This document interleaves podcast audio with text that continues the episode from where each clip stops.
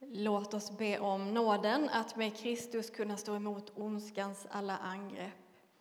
Gud, du som delar vår ångest och smärta och omsluter oss med kärlek. Ge oss tro att hålla ut när vi möter prövningar och kraft att orka i tider av torka och tomhet. I Jesu namn vi ber. Amen. Amen. Hör Herrens ord. Eh, vi lyssnar till den här söndagens gammaltestamentliga text ifrån Första Mosebok kapitel 4 och verserna 3 till 7. En gång frambar Kain en offergåva till Herren av markens gröda. Abel frambar också en gåva och offrade de fetaste delarna av de förstfödda djuren i sin jord. Herren såg med välvilja på Abel och hans gåva men inte på Kain och hans gåva. Då blev Kain vred. Han sänkte blicken. Herren sa till Kain, varför är du vred och varför sänker du blicken? Om du handlar rätt vågar du ju lyfta blicken, men om du inte handlar rätt ligger synden vid dörren. Dig skall den åtrå, men du ska råda över den. Så lyder Herrens ord. Gud, vi tackar dig. Sen läser vi episteltexten som är hämtad ifrån Jakobs brev 1 och verserna 12 till 15. Salig är den som håller ut då han prövas. När han har bestått provet skall han få det eviga livets segerkrans som Gud har lovat dem som älskar honom. Ingen som blir prövad ska säga att det är Gud som frestar honom. Gud kan inte frestas av det onda och själv frestar han ingen. Blir någon frestad är det alltid av sitt eget begär som han lockas och snärjs. Och när så begäret har blivit havande föder det synd, och när synden är fullväxt så föder den död. Så lyder Herrens ord. Gud, vi tackar, tackar dig. Upplyft era hjärtan till Gud och hör dagens heliga evangelium enligt evangelisten Matteus. Från den tiden började Jesus förklara för sina lärjungar att han måste bege sig till Jerusalem och lida mycket genom de äldste och översteprästerna och de skriftlärde och bli dödad och bli uppväckt på tredje dagen. Petrus tog honom då avsides och började förebrå honom och sa Må Gud bevara dig, Herre, något sådant ska aldrig hända dig. Men Jesus vände sig om och sa till Petrus Håll dig på din plats, Satan. Du vill få mig på fall, för dina tankar är inte Guds, utan människors. Så lyder det heliga evangeliet.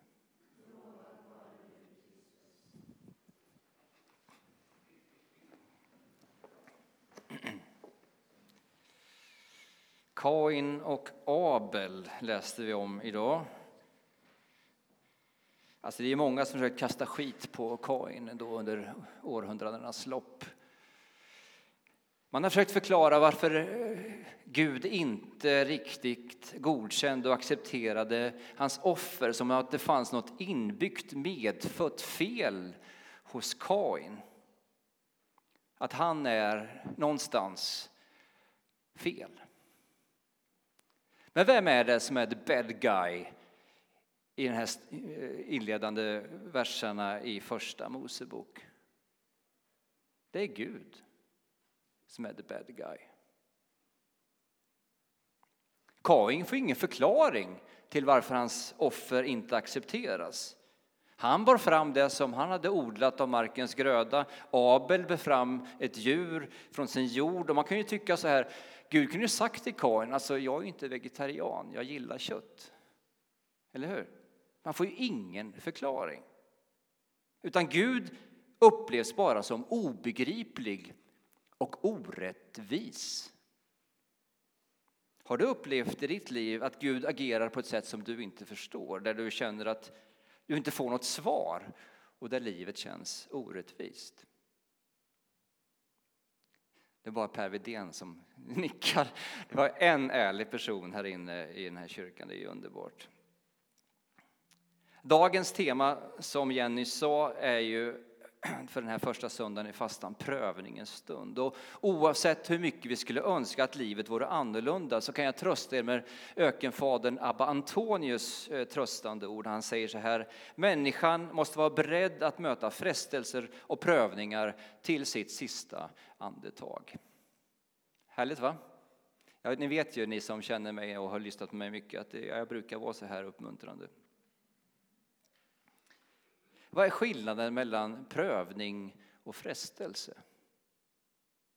Problemet i grekiskan är att det är exakt samma ord för prövning och frestelse, så där kan man inte dra några slutsatser.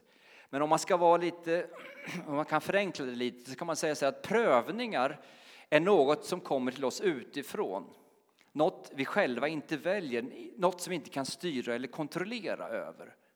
Och frestelserna är det gensvar som vi ger på de prövningar som vi utsätts för. Någonting som föds inom oss och som vill leda oss till ett håll dit vi egentligen faktiskt inte vill gå och som är destruktivt. Och Jakob i dagens text visar på att ge efter för frestelserna är det ingen lek. Frestande gott brukar det stå i reklamen ibland. Men det här frestelser är något dödligt allvarligt. Jakob skriver, om vi använder the message översättning, vi kan inte skylla på något annat än våra egna flinande förföriska begär. Begäret blir havande och föder sitt barn synden. Synden blir vuxen och blir rena döden. Kära älskade vänner, akta er från att gå vilse. En del av oss som har vuxit upp i en kanske lite trång frikyrka eller kyrka i allmänhet med väldigt stränga förbud och ganska konstiga syndakataloger. Vi tycker att det är mycket av det mänskliga goda som har tagit ifrån oss och därmed kan vi i det här läget i livet bli lite för nonchalanta och naiva i det som är verkliga frestelser. Och därmed öppna upp oss för det som är destruktiva, fientliga makter. En del frestelser i vårt liv är ganska lätta att identifiera, de har vi inga problem med. De kan vi övervinna. Men dagens tre bibeltexter landar i tre punkter som blir verkliga prövostenar för oss och utmanar oss att gå en väg som leder till salighet och där djävulen besegras. Så tre punkter, det är alltid tre punkter. Är det fler än tre punkter då är det villolära. Vad så ni vet, det är en enkel test när ni ska lyssna på er egen predikant hemma. Den första punkten handlar om Gud. Vem är han egentligen? Vi är Kain. Vi förstår oss inte på Gud, på hans handlande. Är Gud verkligheten själv? Är han det goda och det sanna? Eller måste vi på egen hand skapa det goda? Peter Halldorf skriver i sin fastebok så här. Eh, Anette, kommer det upp på väggen? Eller? Ja, perfekt. Det finns olika sätt att förhålla sig till sin oro. Ett sätt att försöka undvika eller eliminera orsakerna till oron genom ökad säkerhet och kontroll. Att bygga murar mot det vi uppfattar skrämmande. Att beväpna och försäkra sig mot verkliga eller inbillade fiender. Ett annat sätt är att utveckla en osäkerhetens teologi. Det innebär att vi sluter fred med vår osäkerhet och accepterar det faktum att vi alla är mer sårbara än vi vill erkänna. Det okända, det ovissa, det som vi ogärna välkomnar kan frigöra en trons kraft, en frimodighet och en kreativitet när vi inte längre uppfattar det som hot mot våra föreställningar om hur livet bör vara.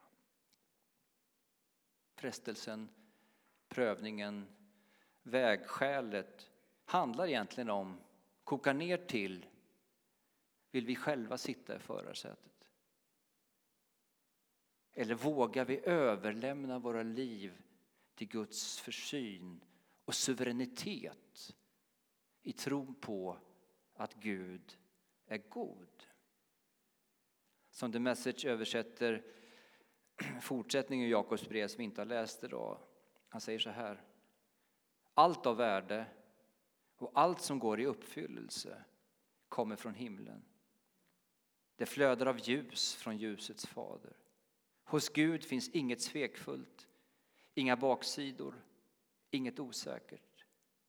Med sitt sanna ord gav han oss liv och satte oss främst av allt han har skapat. Är detta den bild av Gud vi lever med? Eller lever vi med en helt annan bild? Den första prövningen landar i just detta. Vem är Gud? Går han att lita på? Eller måste vi ta kontrollen själva? Den andra prövostenen handlar om oss själva. Petrus, precis versen innan dagens eh, evangelietext, så säger Jesus, vad säger folket om mig? Och då säger de, ja, du är profeten och du kanske är Elias som kommer tillbaka. Och så säger de, vad säger ni? Säger han till lärjungarna. Och då säger Petrus, du är Messias, den levande Gudens son. Och Jesus säger, ingen av människa och kött och blod har uppenbart detta för dig, utan Fadern i himlen har uppenbart för detta för dig. Och på dig, Petrus, klippan, ska jag bygga min kyrka. Det är en ganska skön, sköna ord att få lyssna till. Man måste ju ändå författa att Petrus måste ju känt vara så här, yes, nu är jag hemma. Och sen säger Jesus direkt efter, Människosonen måste lida. Han kommer överlämnas i hedningarnas och judarnas händer. Och då står det att Petrus tar Jesus åt sidan. Alltså, i det grekiska tänket där så är det inte så att han bara liksom, Jesus kom, utan han, det är som chefen kallar in på, på, på, på rummet till, till en medarbetare. Helt plötsligt har Petrus tagit den här rollen av att okej, okay, nu sa du något olämpligt. Kom in, vi måste prata. Så han tar honom sidan, han tar herraväldet och förebrår honom och säger Må Gud bevara dig Herre, något sånt ska aldrig hända dig. Vad han säger uttryckligen, rädda dig själv. President Zelensky i Ukraina fick ju erbjudandet av amerikanerna att de kunde komma och hämta honom och sätta honom i säkerhet. Varpå han svarade, jag behöver inte skjuts, jag behöver ammunition. I don't need a ride, I need ammo. Hade Petrus suttit bredvid president Zelensky han har sagt ta första bästa helikopter och flyg ut i säkerhet. Valet står mellan att rädda sig själv eller att kämpa för det högre goda. Även om det innebär svårigheter, lidande, förluster och till och med i döden. Jesus, efter dagens evangelietext, när han har förebrått Petrus, säger så här i The Message översättning. Vill ni följa med mig måste ni gå dit jag leder er. Det är inte ni som styr, det är jag. Fly inte från lidandet. Ta emot det. Följ mig så ska jag visa er. Självbevarelsedriften kan inte rädda er. Offra er själva på vägen, min väg, så ska ni finna er själva, den ni egentligen är. Vad är det för vits med att få allt man vill ha om man går miste om sig själv?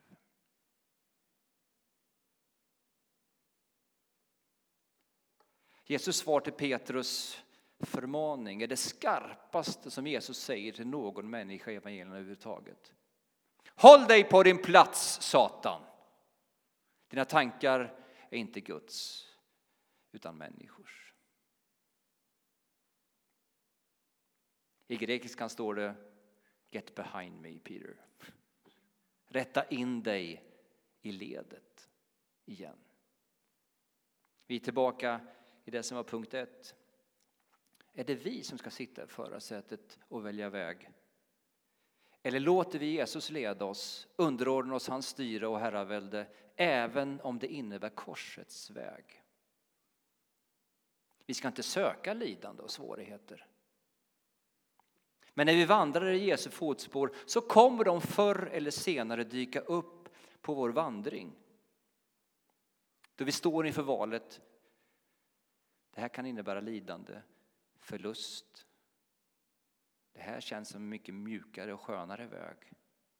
Men vi vet, detta är korsets väg. Vilken väg väljer vi då? En väg leder till salighet. Den andra vägen leder till kortsiktig tillfredsställelse men innebär att man förlorar sig själv. Den tredje prövostenen handlar om vår nästa.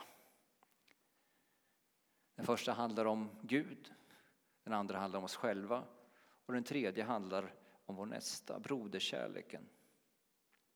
Abel mördades av Kain som inte kunde tåla att Gud välsignade brodern och att han själv blev utan. Och Gud handlar alltid utifrån nåd i mötet med oss. Och oavsett vår bekännelse så vill jag ändå säga så här, vi gillar inte riktigt det.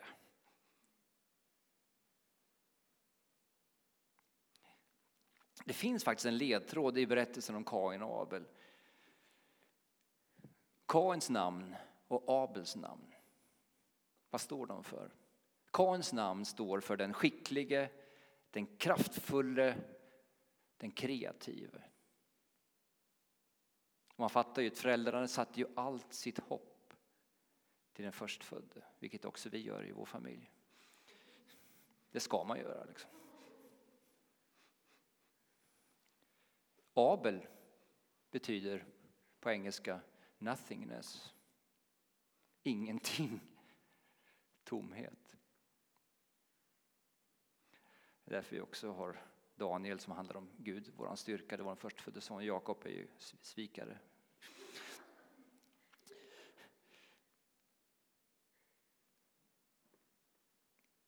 Men det här går igen va? i den bibliska historien. Man hör Paulus. Gud utväljer det som ingenting är. För att göra slut på det som är stolthet i världen. Och det stör oss. Broderkärleken. Varför finns kyrkan till för? Man kan ha massor med olika argument för det.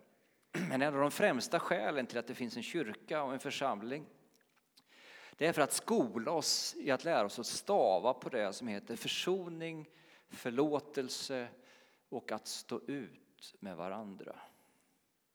En del lämnar kyrkan på grund av dess medlemmar. Man har hört ett otal antal sådana vittnesbörd. Jag, jag, jag gillar Jesus och jag gillar Gud, men jag klarar inte av medlemmarna. Det finns så mycket hycklare, det finns så mycket syndare. Japp, precis det är poängen. Vi måste lära oss att förlåta, att leva i försoning, att stå ut med varandras annanhet. Och det är därför Gud har dragit in oss i kyrkan. Vi måste lära oss att gilla läget och älska det som inte är älskvärt. Och att också stå ut med att Gud välsignar människor fast de inte förtjänar det. Fastän jag tycker att jag på min kant borde ha mer välsignelse än vissa andra kyrkor i det här landet. De tre första veckorna nu i fastan så står kampen i fokus. Dagens tema var ju prövningens stund. Nästa söndag är det den kämpande tron. Därpå kampen mot ondskan. Känns det bra? De tre första veckorna är det fokus på kampen, prövningen och trons utmaningar. Och Det innebär att vi inser att vi kan inte vara naiva, vi kan inte vara oskuldsfulla utan måste se över vilken beredskap vi har. Och Det är väl det som växer i de här tiderna med kriget i Ukraina, att alla nyvaket tittar ut över sitt eget land och funderar på, vi har inga skyddsrum. Vi har inte byggt något skyddsrum i Sverige sedan 2002. Har vi några vapen? Och så vidare. Och det är kanske det som de här tre första veckorna i fastan lite har som en poäng, att vakna upp och tänka så här, vi befinner oss i krig. Vi befinner oss i ett utsatt läge. Har vi sett om vårt eget hus? Så låt oss använda dessa tre veckor till att just reflektera, be över och ropa till Herren utifrån det ämnet. Låt mig avsluta med Paulus ord från Efesierbrevet. Hämta nu styrka hos Herren av hans oerhörda kraft. Ta på er Guds rustning så att ni kan hålla stånd mot djävulens lömska angrepp. Ty det är inte mot varelser av kött och blod vi har att kämpa utan mot härskarna, mot makterna, mot herrarna över denna mörkrets värld, mot ondskans andekrafter i himlarymderna. Ta därför på er Guds rustning så att ni kan göra motstånd på den onda dagen och stå upprätt efter att ha fullgjort allt. Stå alltså fasta. Spänn på er sanningen som bälte och klä er i rättfärdighetens pansar. Och sätt som skor på era fötter villigheten att gå ut med budskapet om fred. Håll ständigt trons sköld framför er. Med den ska ni få den ondes alla brinnande pilar att slockna. Och grip frälsningens hjälm och andens svärd som är Guds ord. Gör det under åkallan och bön och be i er ande varje stund. Ära vare Fadern och Sonen och den helige Ande, nu och alltid och i evigheters evighet. Amen. Halleluja.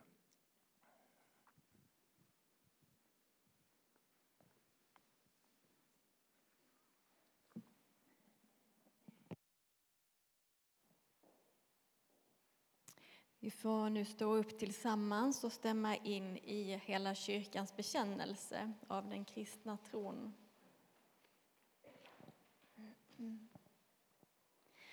Vi tror på Gud Fader allsmäktig, himmelens och jordens skapare.